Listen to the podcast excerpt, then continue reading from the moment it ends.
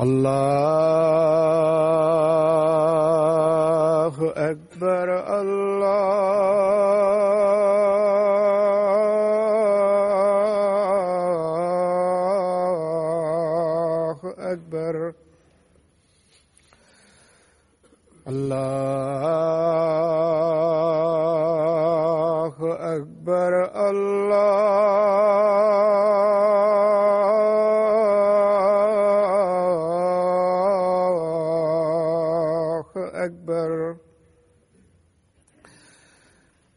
واشهد ان لا اله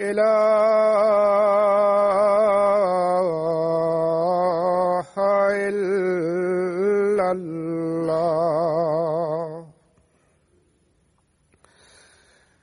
اشهد ان لا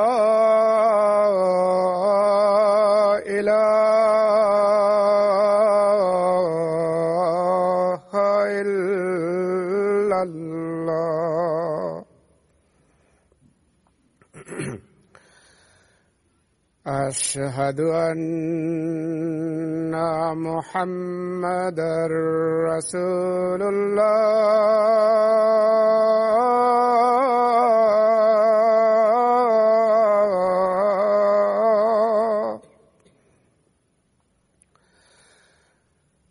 اشهد ان محمد محمد رسول الله حي على السلام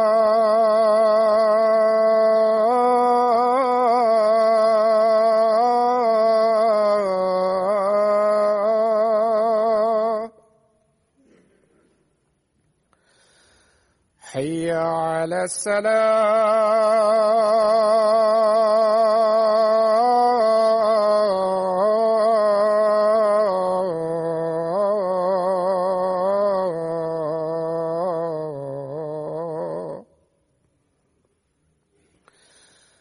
حي على الفلاح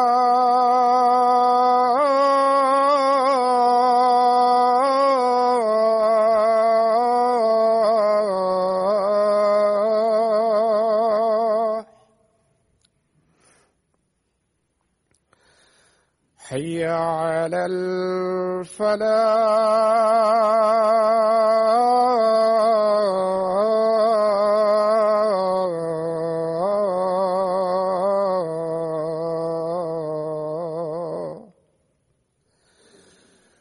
الله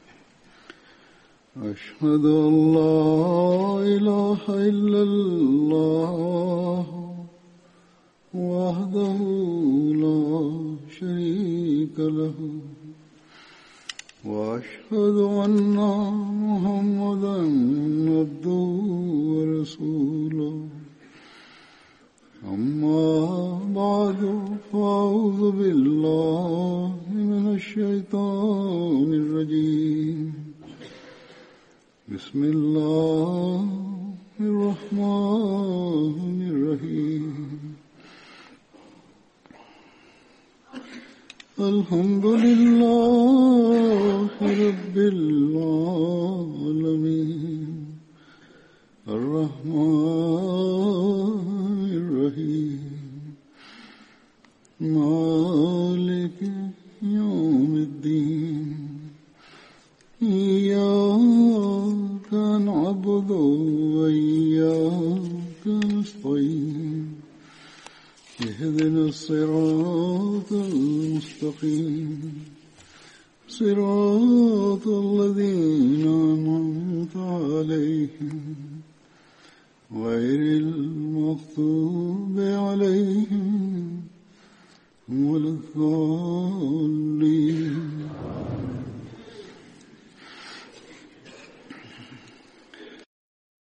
بسم الله الرحمن الرحيم Hazur kaže danas ja ću da spomenem Hazreti Mista bin Usasa koji je bio ashab časnog poslanika sallallahu alaihi veselam. Njegovo ime je bilo Auf, a titula Mista, po kojoj je bio više poznat. Majka mu se zvala Umi Mista Selma bint Sahar. Ona je bila kćerka od Rajta bint Sahar, tetke od Hazreti Abu Bekra radijalahu anhu. Hazreti Mista bin Usasa, Hazreti Ubejda bin Haris i Husein bin Haris su odlučili da se presele u Medinu. Prije nego što krenu, dogovorili su se da se nađu u dolini Nađer. Kako god, Hazreti Mista je bio ostavljen za u toku putovanja, njega je zmija ujela. Sljedeći dan ovi ljudi su saznali u vezi ovoga i onda su se vratili po njega i tako su otputovali zajedno u Medinu. U Medini svi su boravili sa Hazreti Abdurrahman bin Salama. Časni poslanik Salalahu alihi veselem je sklopio bratstvo između njega i Hazreti Zeida bin Muzeina, Hazreti Mista je učestvovao u bici na Bedru i svim ostalim borbama od časnog poslanika sallallahu alaihi veselem.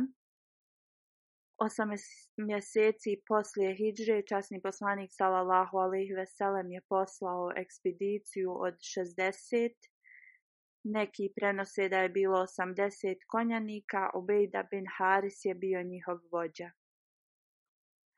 Poslanik sallallahu je napravio zastavu i tu zastavu je nosio Mistabin Usasa.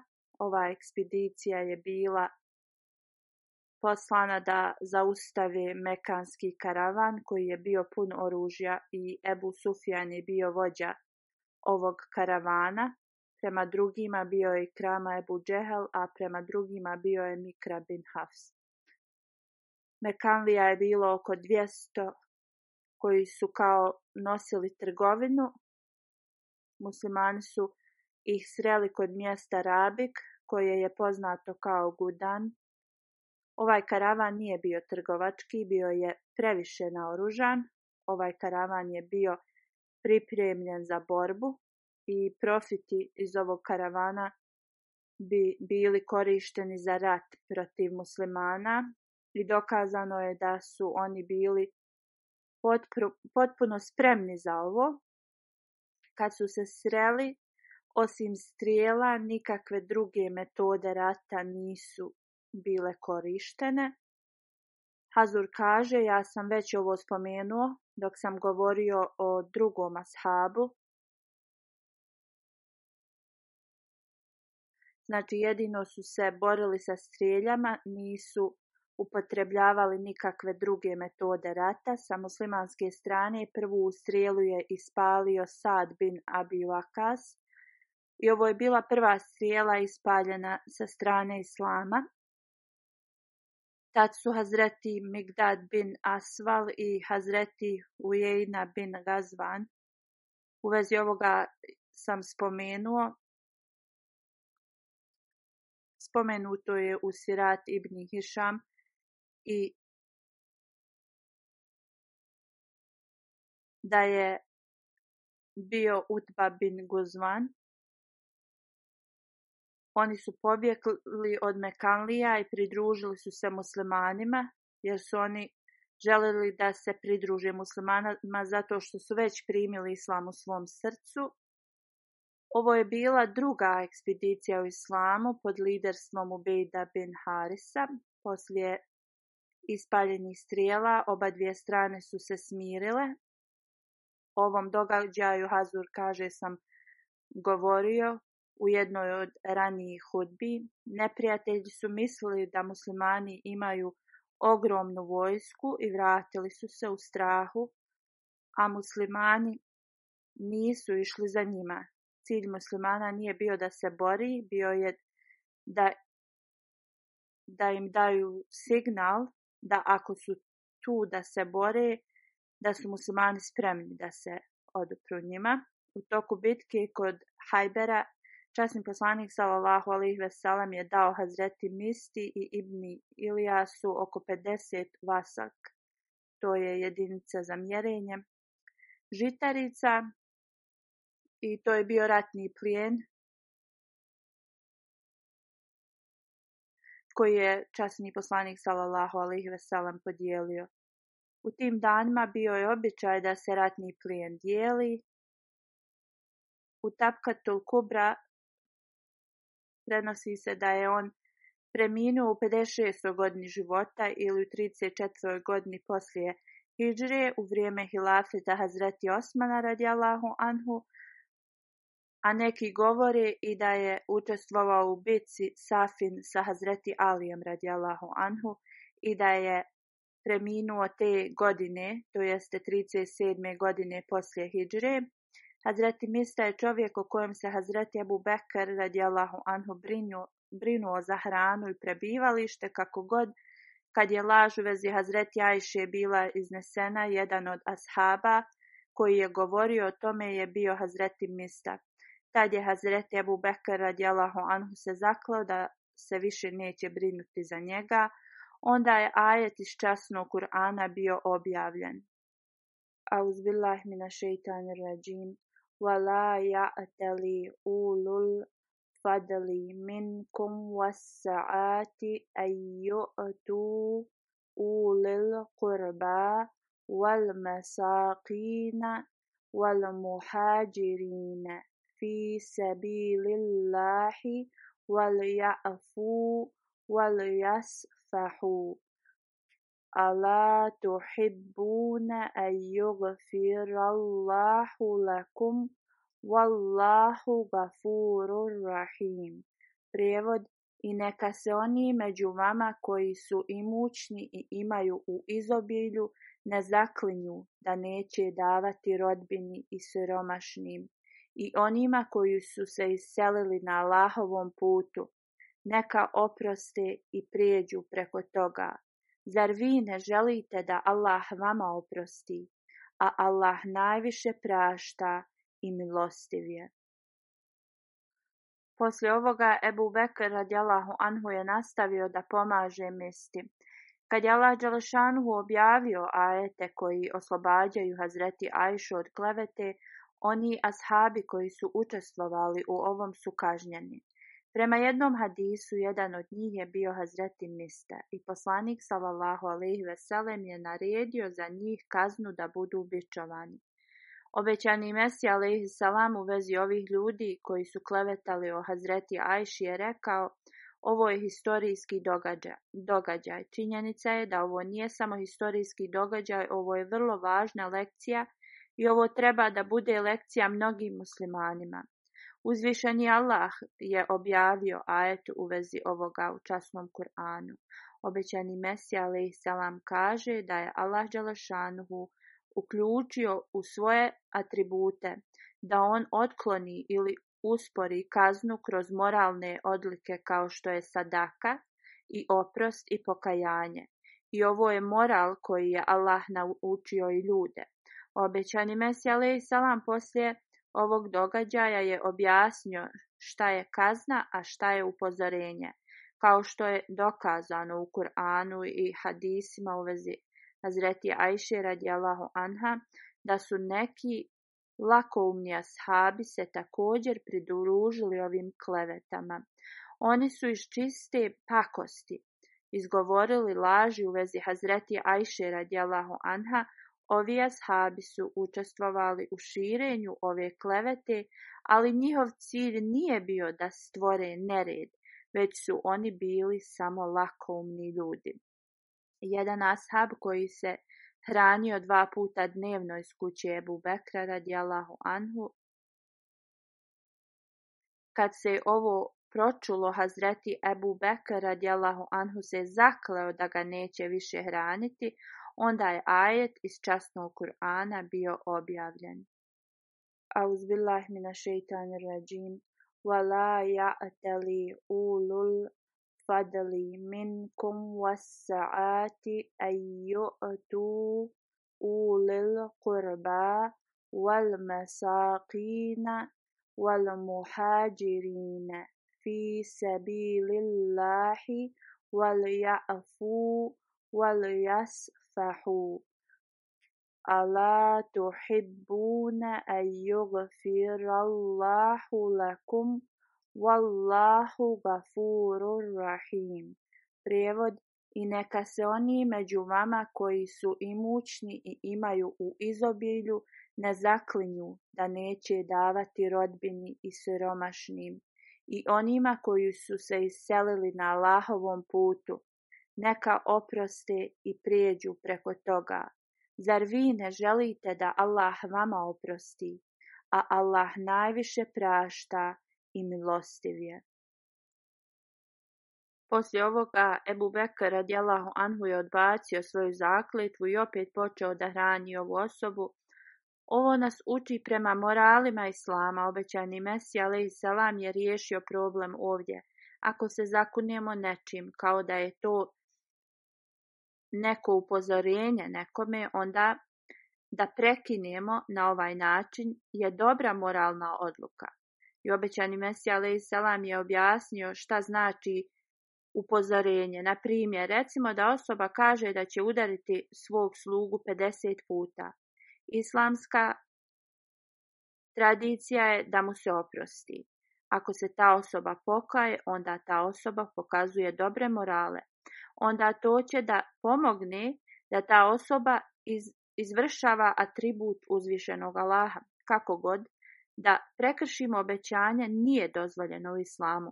Biti ćemo pitanju u vezi obećanja koje smo prekinuli, ali da prekinemo upozorenje, za to nećemo biti pitanju. Obećanje je zakletva kad mi uključimo sve negativne i pozitivne aspekte i neophodno je za osobu da ih ispuni, ako je neko prekine, odgovarat će za to ili će biti kažnjen za to.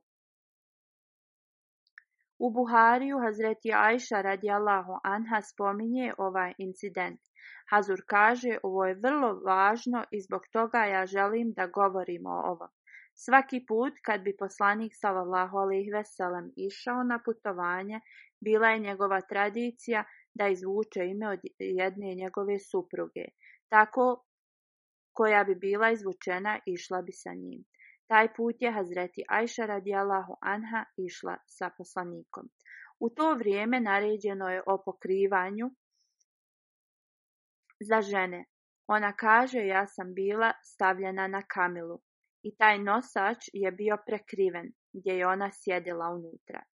I ovako sam putovala. I kad bi odmarali, moje nosilo bi spuštali na zemlju sa kamile. Kad je časni poslanik salalahu alaihi veselem završio ekspediciju i vraćali smo se, bili smo blizu Medine. Jedno večer je časni poslanik salalahu alaihi veselem rekao, sad trebamo da krenemo. Ona kaže, ja sam krenula i otišla sam ispred armije jer sam morala da obavim nuždu. Kad sam se vraćala Dotakla sam svoj vrat i shvatila sam da sam izgubila ogrlicu koja je bila napravljena od crnih safira. Otrčala sam da nađem ogrlicu i dok sam pokušavala da je nađem, zadržala sam se. Ona kaže i moje nosile su stavili na kamilu i mislili su da sam ja bila unutra. Kaže, u to vrijeme žene su bile vrlo lahke jer su jele vrlo malo. I tad oni nisu ni osjetili da ona nije bila u njenom nosilu. Ajša radijalahu anha kaže, bila sam vrlo mlada. Kad sam našla svoju ogrlicu, vratila sam se, ali su svi bili otišli. Zabrinula sam se. Onda kaže, ja sam se vratila na isto mjesto gdje je njen karavan bio, tako da da je mogu naći Sjedeći tu, i zaspala sam. Safvan bin Muatel, ashab je dužnost bila da ostane daleko iza armije ili karavana, tako ako je išta ostavljeno, da može da pokupi. Izutra me je našao, ja sam spavala. On me je vidio prije nego što je naređenje u vezi vela bilo naređeno muslimankama. Prepoznao me je, došao je blizu mene i rekao ina lillahi ve ilihi rađi un. Zaista smo Allahovi i njemu se vraćamo. Kad sam čula te riječi, probudila sam se. On je posjeo svoju kamelu blizu mene i ja sam sjela na nju. I krenuli smo, on je vodio kamelu za njene uzde.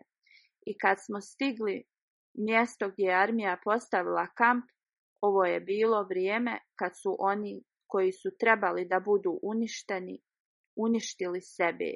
Ljudi su već bili počeli da svojim klevetanjem u vezi mene eh, pričaju u svima okolo. Ona kaže, Abdullah bin Ubej bin Salul ih je započeo ove glasine u vezi nje. Kaže, onda smo stigli u Medinu i ja sam se razbolila, bolovala sam mjesec dana. Ovi ljudi koji su započeli da govore ove tračeve su ih širili sve više i više. Kako god, ja uopšte nisam znala u vezi njih. Ona kaže u toku ovog perioda dok sam bila bolesna što mi je podiglo neke sumnje da nešto nije u redu. Ja sam se pitala zašto poslanik sallallahu alejhi ve salam se ne brine o meni kao što se prije brinuo kad bi se razbolila.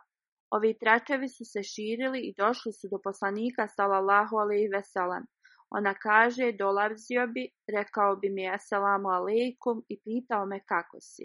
Ona kaže, ja nisam znala ništa u vezi ovih optužbi, kaže dok se nisam oporavila od svoje bolesti, ali sam bila i dalje nejaka i kad sam ja i umi mista otišle prema mini, kao što je to bilo u to vrijeme kad su vršili nuždu, išli bi izvan svojih kuća na određeno mjesto. Ona kaže, prije bi išli u džunglu, ali sad je bilo napravljeno mjesto za vršenje nuždi, muškarci su išli u toku dana, a žene na večer.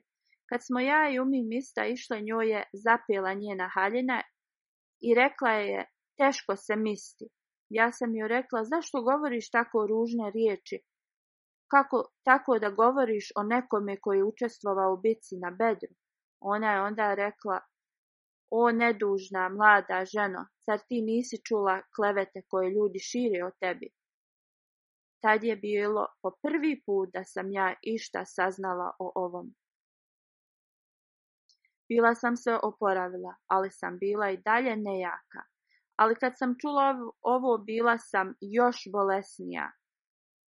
Vratila sam se svojoj kući. Kad je časni poslanik sallallahu alejhi ve došao kod mene, Rekao je esalamu alejkum i pitao me kako si. Ja sam mu rekla da mi da dozvolu da idem kod mojih roditelja. Ona kaže, želila sam da odem kod svojih roditelja i da čujem o ovim glasinama. Časni poslanik sallallahu alejhi ve mi je dao dozvolu i otišla sam kod svojih roditelja i pitala sam koje su glasine koje ljudi govore o meni. Moja majka mi je rekla, čeri, ne brini se u vezi ovoga, ostani mirna. Kunem se Allahom da je vrlo rijetko da neko ima tako lijepu ženu i ima još drugih žena da, da one ne govore nešto u vezi nje. Hazreti Ajša radijalahu anha je rekla subhanallah ljudi govore takve laži. Ja sam provela tu noć plačući i tako velika laž protiv mene je rečena, ja sam plakala svu tu noć i kad sam se probudila u zoru, nastavila sam da plačem. Časni poslanik sallallahu alejhi ve je pozvao Ali, Ali bin Ebu Talib i Usama bin Zaid da pita za njihov savjet u vezi da da ostane sa svojom suprugom jer nije dobio nikakvu objavu. I postojala je kleveta u vezi nje da li da nastavi sa njom ili ne. Sama zbog toga što je znao koliko poslanik sallallahu alaihi veselem ima ljubav prema svojim ženama je rekao O Allahov poslaniće, ona je tvoja žena, kunem se uzvišenim Allahom osim dobra, mi o njoj ništa drugo ne znamo. Hazreti Ajša radijalahu anha govori Ali radijalahu anhu je bio malo brz na riječima i rekao je Allah te nikad nije teretio ni sa čim. Ima još drugih žena osim nje. Hazreti Ali radijalahu anhu je rekao, upitaj njenu žensku slugu u vezi njenog karaktera, ona će ti reći istinu. Časni poslanik sallallahu alaihi veselam je pozvao Bariru, ona je bila sluškinja, pitao je Barira, da li ti znaš išta ili da li si vidjela išta u vezi Hazreti Ajše, da radi bilo šta što bi izazvalo tvoju sumnju. Ona je odgovorila, apsolutno ne, kunem se onim koji je tebe poslao, da nikad nisam vidjela ništa u vezi Hazreti Ajše, da posumnjam u nju. Jedino šta sam vidjela je nekad radi svoje mladosti, je malo nepažljiva. Šesto se desi da ostavi tijesto i zaspi dubokim snom, da koze dođu i pojedu ga. Ona je potvrdila da ne zna nikakvo zlo u vezi nje, osim nevažnih stvari radi njene mladosti, koje ona zaboravi. Onda se istog dana časni poslanik sallallahu alaihi veselam obratio ashabima u vezi Abdullaha bin Ubej bin Salul, jer je on započeo ove glasine. Poslanik sallallahu alaihi veselam je rekao Nanesena mi je velika tuga u vezi moje supruge. Da li postoji iko od vas ko će se pobrinuti za ovakvu osobu? Tako mi Allaha ja ništa ne znam u vezi svoje supruge osim pobožnosti i dobrote, a i čovjek koji je doveo Hazreti Ajšu je pobožan čovjek i nikad nije došao u moju kuću kad ja nisam bio prisutan. Kad je čuo poslanikov sallallahu alejhi salam govor Hazreti Sad je rekao: "O Allahov poslaniće ja ću se osvetiti za tebe." Toj osobi koja je oklevetala Hazreti Ajšu. Ako je iz Aus plemena, ja ću mu odrubiti glavu. Ako je iz Hazrađ, samo naredi bilo kome, mi ćemo ga kazniti.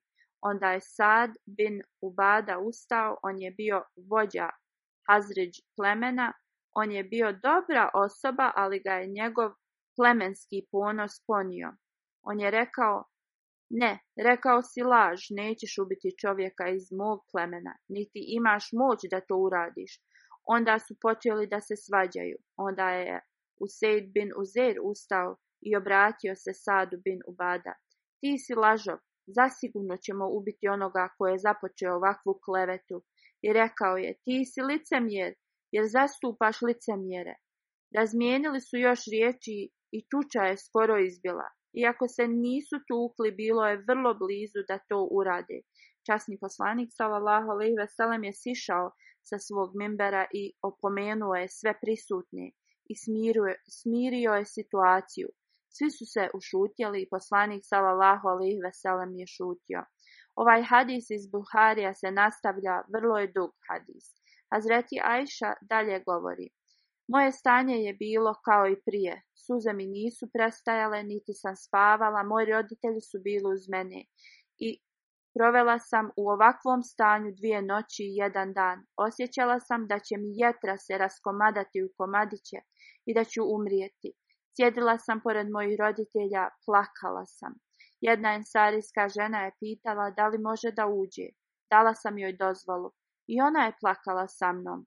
Onda je poslanik sallallahu alejhi salam došao u kuću Hazreti Abu Bekra i sjeo je pored meni. Ovo je prvi dan da je sjeo pored mene, poslije klevete o meni. Prije ovoga časni poslanik sallallahu alaihi veselem nije sjedao pored Hazreti ajše i pitao bi je kako je i ne bi joj prilazio. Ona dalje govori, mjesec dana je prošlo, nikakvu objavu, niti znak poslanik sallallahu alaihi veselem nije dobio od Allaha.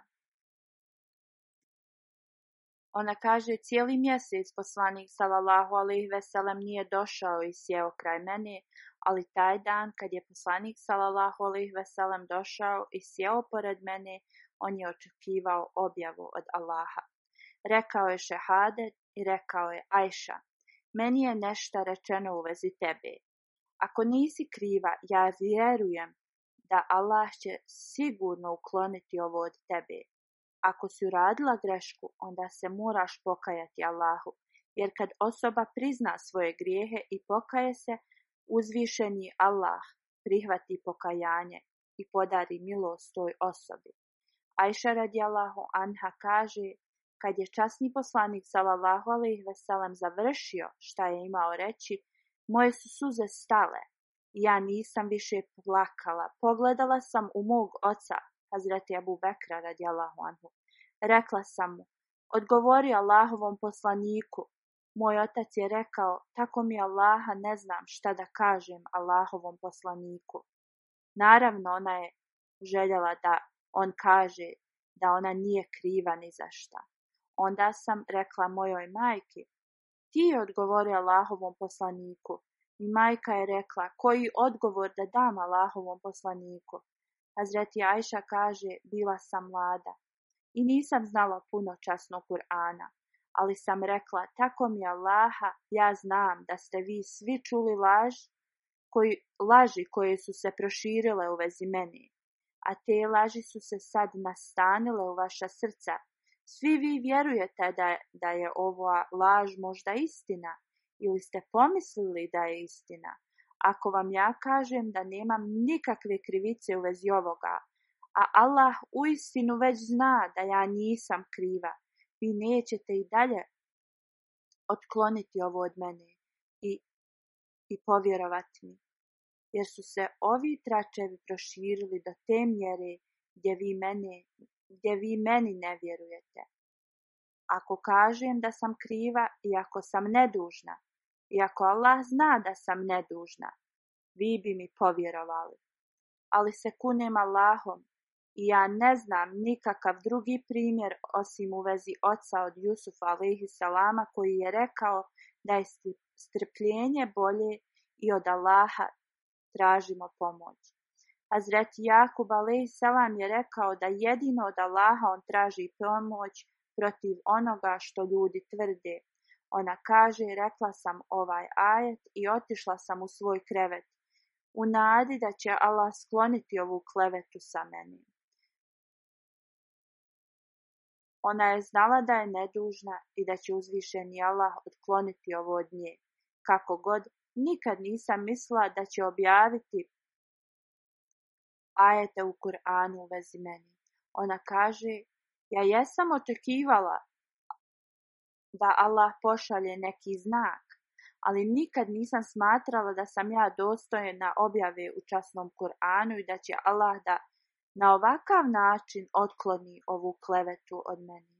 Mislila sam da će Allahovom poslaniku doći u viziji u kojoj će on dokazati moju nevinost. Kunem se Allahom da poslanik sallallahu alejhi ve nije ni napustio moju kuću, niti je ustao, niti bilo ko, koja osoba je izašla iz, iz, kuće, poslanik je počeo da prima objavu i izgledao je u istom stanju kad prima objavu. Znojio se puno da i na hladnom danu znoj bi kapao sa njega. Poslije nekoliko vremena ovo stanje se promijenilo. Onda je poslanik sallallahu alaihi sellem pogledao u mene i nasmijao se. I rekao je, Ajša, zamoli sa Allahu. Allah je objavio da i uklonio ovu klevetu sa tebe.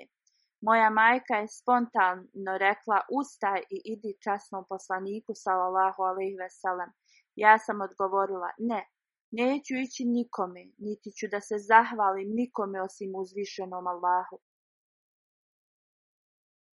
Kad je Allah objavio ovaj ajet, onda je Hazreti Abu Bakr radijallahu anhu rekao da neće više davati hranu ni novac mesti, zato što je učestvovao u širenju laži u vezi Hazreti Ajše radijalahu anha.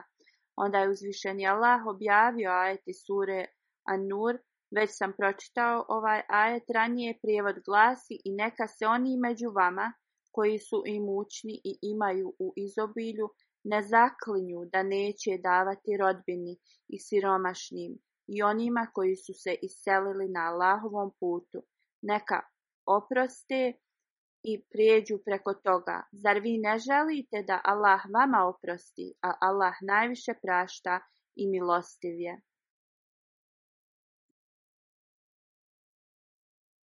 Hazreti Ebu Bekr radijallahu anhu je rekao, nadam se, da će uzvišeni Allah mi oprostiti i pokriti moje grijehe, nastavit ću da ga hranim. Časni poslanik sallallahu ve sellem je pitao Hazreti zeina bin Jaš, šta si vidjela? Zeina odgovara, rekla sam mu, o Allahov poslanice, ja ću da čuvam svoj vid i sluh. Ja ne mogu ništa da kažem, ja samo imam mišljenje da je Ajša čista i bogobojazna. Kad je rekla da želi da sačuva svoje oči i uši, je značilo da ne želi ništa da kaže da bude odgovorna za to. I ona je smatrala da je Hazreti Ajša bogobojazna. Hazreti Ajša dalje govori, ovo je jedna od poslanikovi supruga koja je uvijek, u stvari ovo je jedina od poslanikovi supruga koja je uvijek nastojala i takmičila se sa mnom. Kako god, zato što je bila bogobojazna, uzvišeni Allah je sačuvao i nije ništa ružno rekla u vezi Ajše, osim istinu. Kako god njena sestra Humana bint Đaš se složila sa drugima koji su širili tračeve i bila je kažnjena. Hazreti Mirza Bešir Ahmed Sahib u njegovoj knjizi Sirat Hatamu Nabijin piše u vezi ovog događaja. Ove informacije koje sam spomenuo su iz Buharija, ranije koje su spomenute. On dodaje u ovoj knjizi još nekih detalja, kad je taj ashab rekao i lillahi wa inna ilihi zaista smo Allahovi, njemu se vraćamo, ona je ustala i odmah je pokrila svoje lice velom. On, Kaže zato što je tada bilo naređeno od Allaha da se žene pokrivaju. Hazreti Ajša dalje govori kunem sa Allahom da nisam rekla ništa više Toma ashabu, niti on meni išta više rekao osim i nalela i rađijum. Poslije je taj ashab doveo svoju kamelu i posjeo je ispred mene. On je stavio svoje noge na kamelu Da ne bi Kamila naglo ustala, ja sam onda sjela na Kamilu. Kao što je Ajša radijalahu anha već rekla,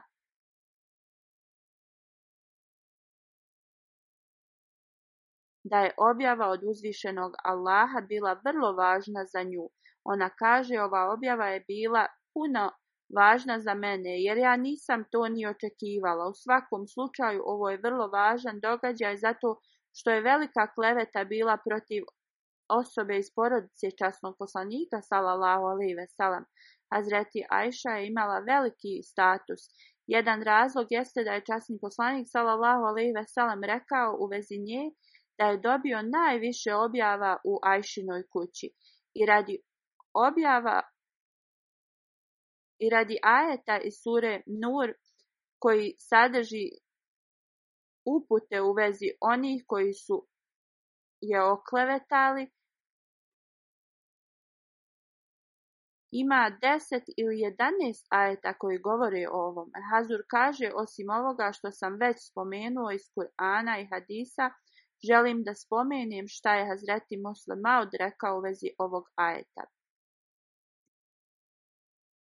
Ovaj ajet glasi, auzbillahi šeitanir rajim, إن الذين جاءوا بالإفق عصبة منكم لا تحسبوه شرا لكم بل هو خير لكم لكل امرئ منهم ما اكتسب من الإثم والذي تولى كبره منهم له عذاب عظيم Prijevod ovog ajeta je sljedeći. Zaista između vas je bila skupina koja je iznijela laž o vama. Nemojte misliti da je ta stvar zlo za vas. Ne, to je dobro za vas. Svaki od njih će imati ono što je zaradio od grijeha, a za onoga među njima koji bude odgovoran za najveći dio toga, Velika je kazna određena. Sura An-Nur, ajet 12.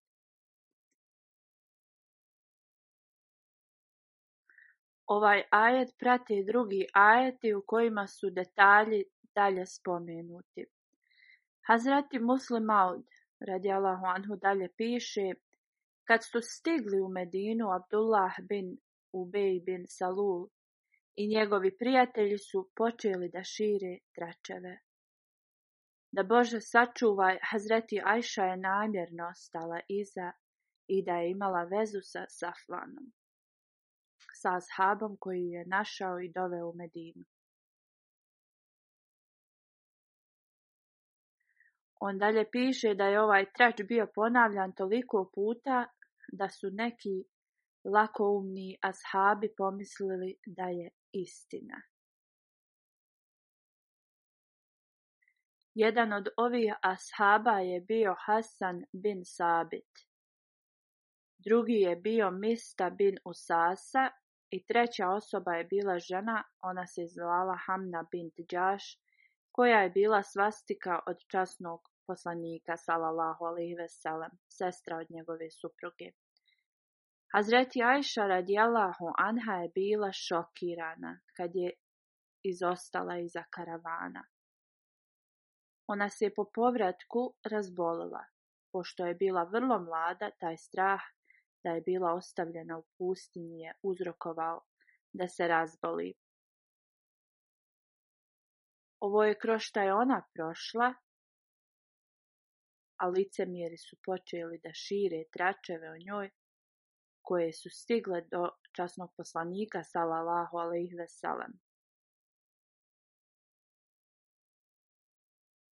Zbog toga što je Ajša radijallahu anha bila bolesna, časni poslanik sallallahu alejhi ve nije pitao Hazreti Ajšu u vezi ovih kračeva koje su licemjeri širili.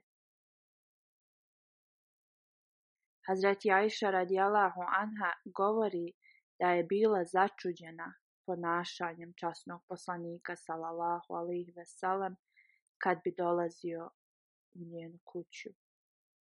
Nije govorio sa mnom na isti način i kaže da je imao zabrinuto lice.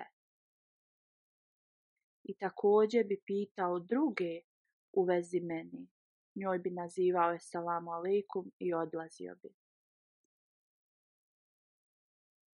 Hazreti Ajša kaže: "Uz poslanikovu dozvolu otišla sam kod roditelja." Hazur govori kao što sam već spomenuo, išla je sa rodicom i rodica je spomenula svog sina Mistu i rekla neka je uništen. Ajša u anha je upitala zašto govoriš loše o svom sinu. Onda je Mistina majka rekla zato što on govori tako i tako o tebi. Ona je čekala dobru priliku da ovo saopšti Hazreti Ajši, jer Ajša radjala Anha nije znala ništa u vezi ovoga. Kad je Ajša ovo saznala, bila je vrlo tužna i od ovog stresa njena bolest se opet vratila. U svakom slučaju ovaj događaj se nastavlja kao što, smo, kao što je već spomenuto poslanik sallallahu alejhi ve je pozvala sahabe da ih pita šta da odluči u vezi ovoga. Hazreti Omer radijallahu anhu, Hazreti Ali i Hazreti Usama bin Zaid su bili prisutni sa poslanikom, Hazreti Omer i Usama su rekli ovo je trač licemjera. Hazreti Ali je odgovorio malo drugačije, on je bio brzo plet u odgovorima. Rekao je da, da li to bilo ili ne istina, ne bi trebao da imaš vezu sa ženom na kojoj je ovakva kleveta. To nemaš potrebe.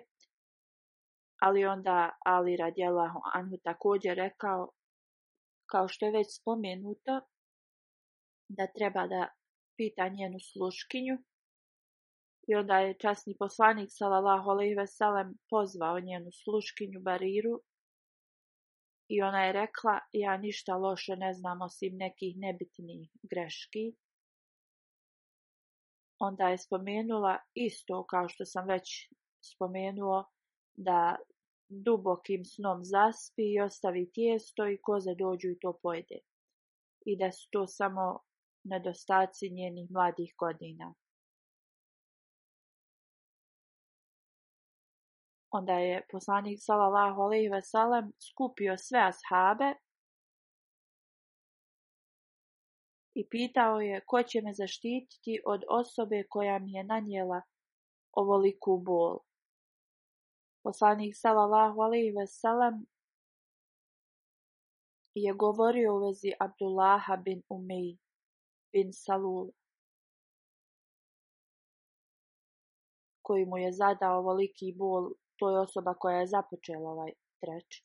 Hazreti Sad bin Maluz, on je bio poglavica iz Aus plemena, je ustao i rekao, o Allahov poslaniće, salallahu alaihi veselam, ako je ta osoba iz našeg plemena i prisutna je ovdje, mi smo spremni da ga ubijemo.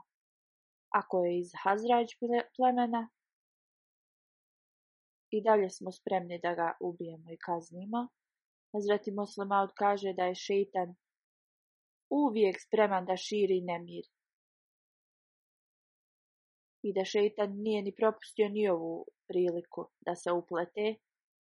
Hazrađ pleme nisu bili svjesni koliku je bol ovo zadalo poslaniku salalahu alaih veselem. Kad je Sad bin Mauz ovo rekao, drugo pleme se naljutilo i bili su spremni za tuču. Sad bin Ubada je onda ustao poglavica Al Hazrađ plamena i rekao je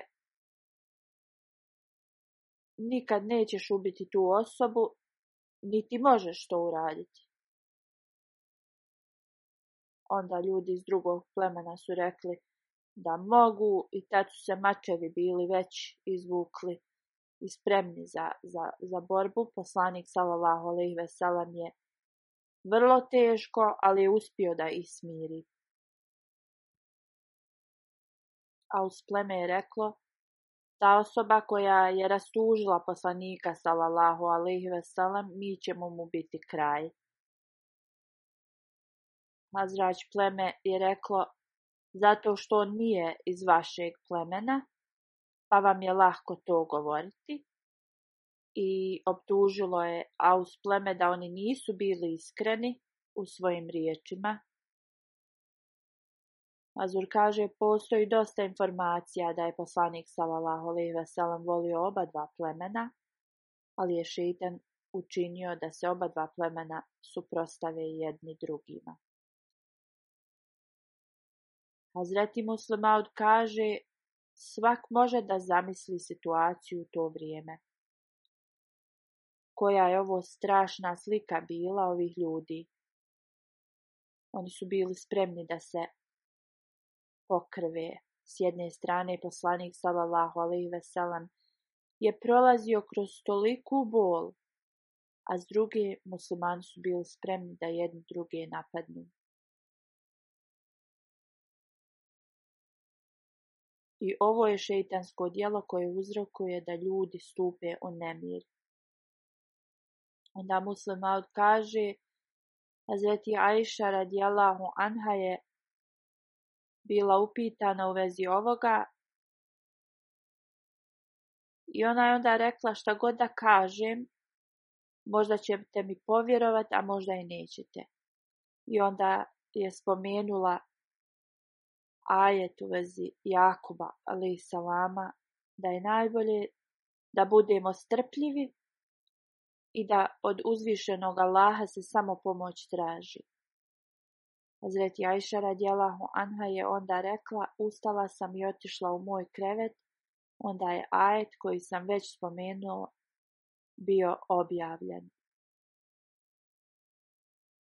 Zaista, između vas je bila skupina koja je iznijela laž o vama. Nemojte misliti da je ta stvar zlo za vas, ne to je dobro za vas. Svaki od njih će imati ono što je zaradio od grijeha. A za onoga među njima koji bude odgovoran za najveći dio toga, velika je kazna određena. Poslanik salallahu alihi veselem je bio vrlo sretan i Ajšina majka je rekla idi i zahvali se poslaniku salallahu alihi veselem. Ajša kaže, ja sam rekla, ja se neću za nikome osim Allahu da zahvalim. U svakom slučaju, kao što sam već spomenuo, Hazreti Muslim je također spomenuo Radi ovoga, trojica ljudi su izbičovani Hasan bin Sabit, mista rođak od Ebu Bekra radijallahu anhu. On je bio vrlo siromašan i živio je u kući od Ebu Bekra radijallahu anhu. On ga je ovdje odjevao i hranio. Treća osoba je bila žena. Sve troje su bili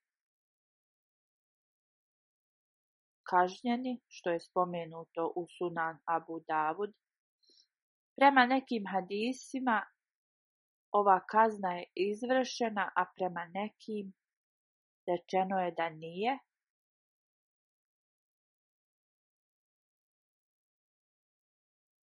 Nije ni važno da li su dobili kaznu ili ne, uzvišeni Allah im je oprostio. On je dobio kaznu na ovom svijetu, ali kao što sam spomenuo, Mista je ashab koji je učestvovao na Bedru i zbog toga Hazreti Mista je imao veliki status.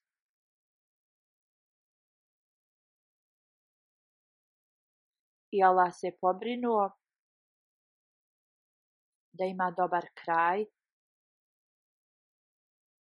i sačuvao je njegov visoki stepen da uzvišen Allah nastavi da uzdiže njihov status.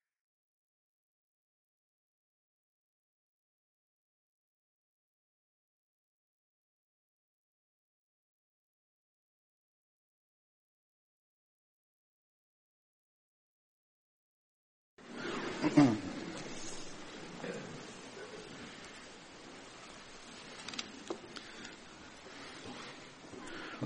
لله الحمد لله نحمده ونستعينه ونستغفره ونؤمن به ونتوكل عليه ونعوذ بالله من شرور انفسنا ومن سيئات أعمالنا من يهده الله فلا مضل له ومن يضلل فلا هادي له ونشهد أن لا إله إلا الله ونشهد أن محمدا عبده ورسوله عباد الله رحمكم الله إن الله يأمر بالعدل واللسان وإيتاء ذي القربى وينهى عن الفحشاء والمنكر والبغي يعظكم لعلكم تذكرون اذكروا الله يذكركم وذوه يستجب لكم ولذكر الله أكبر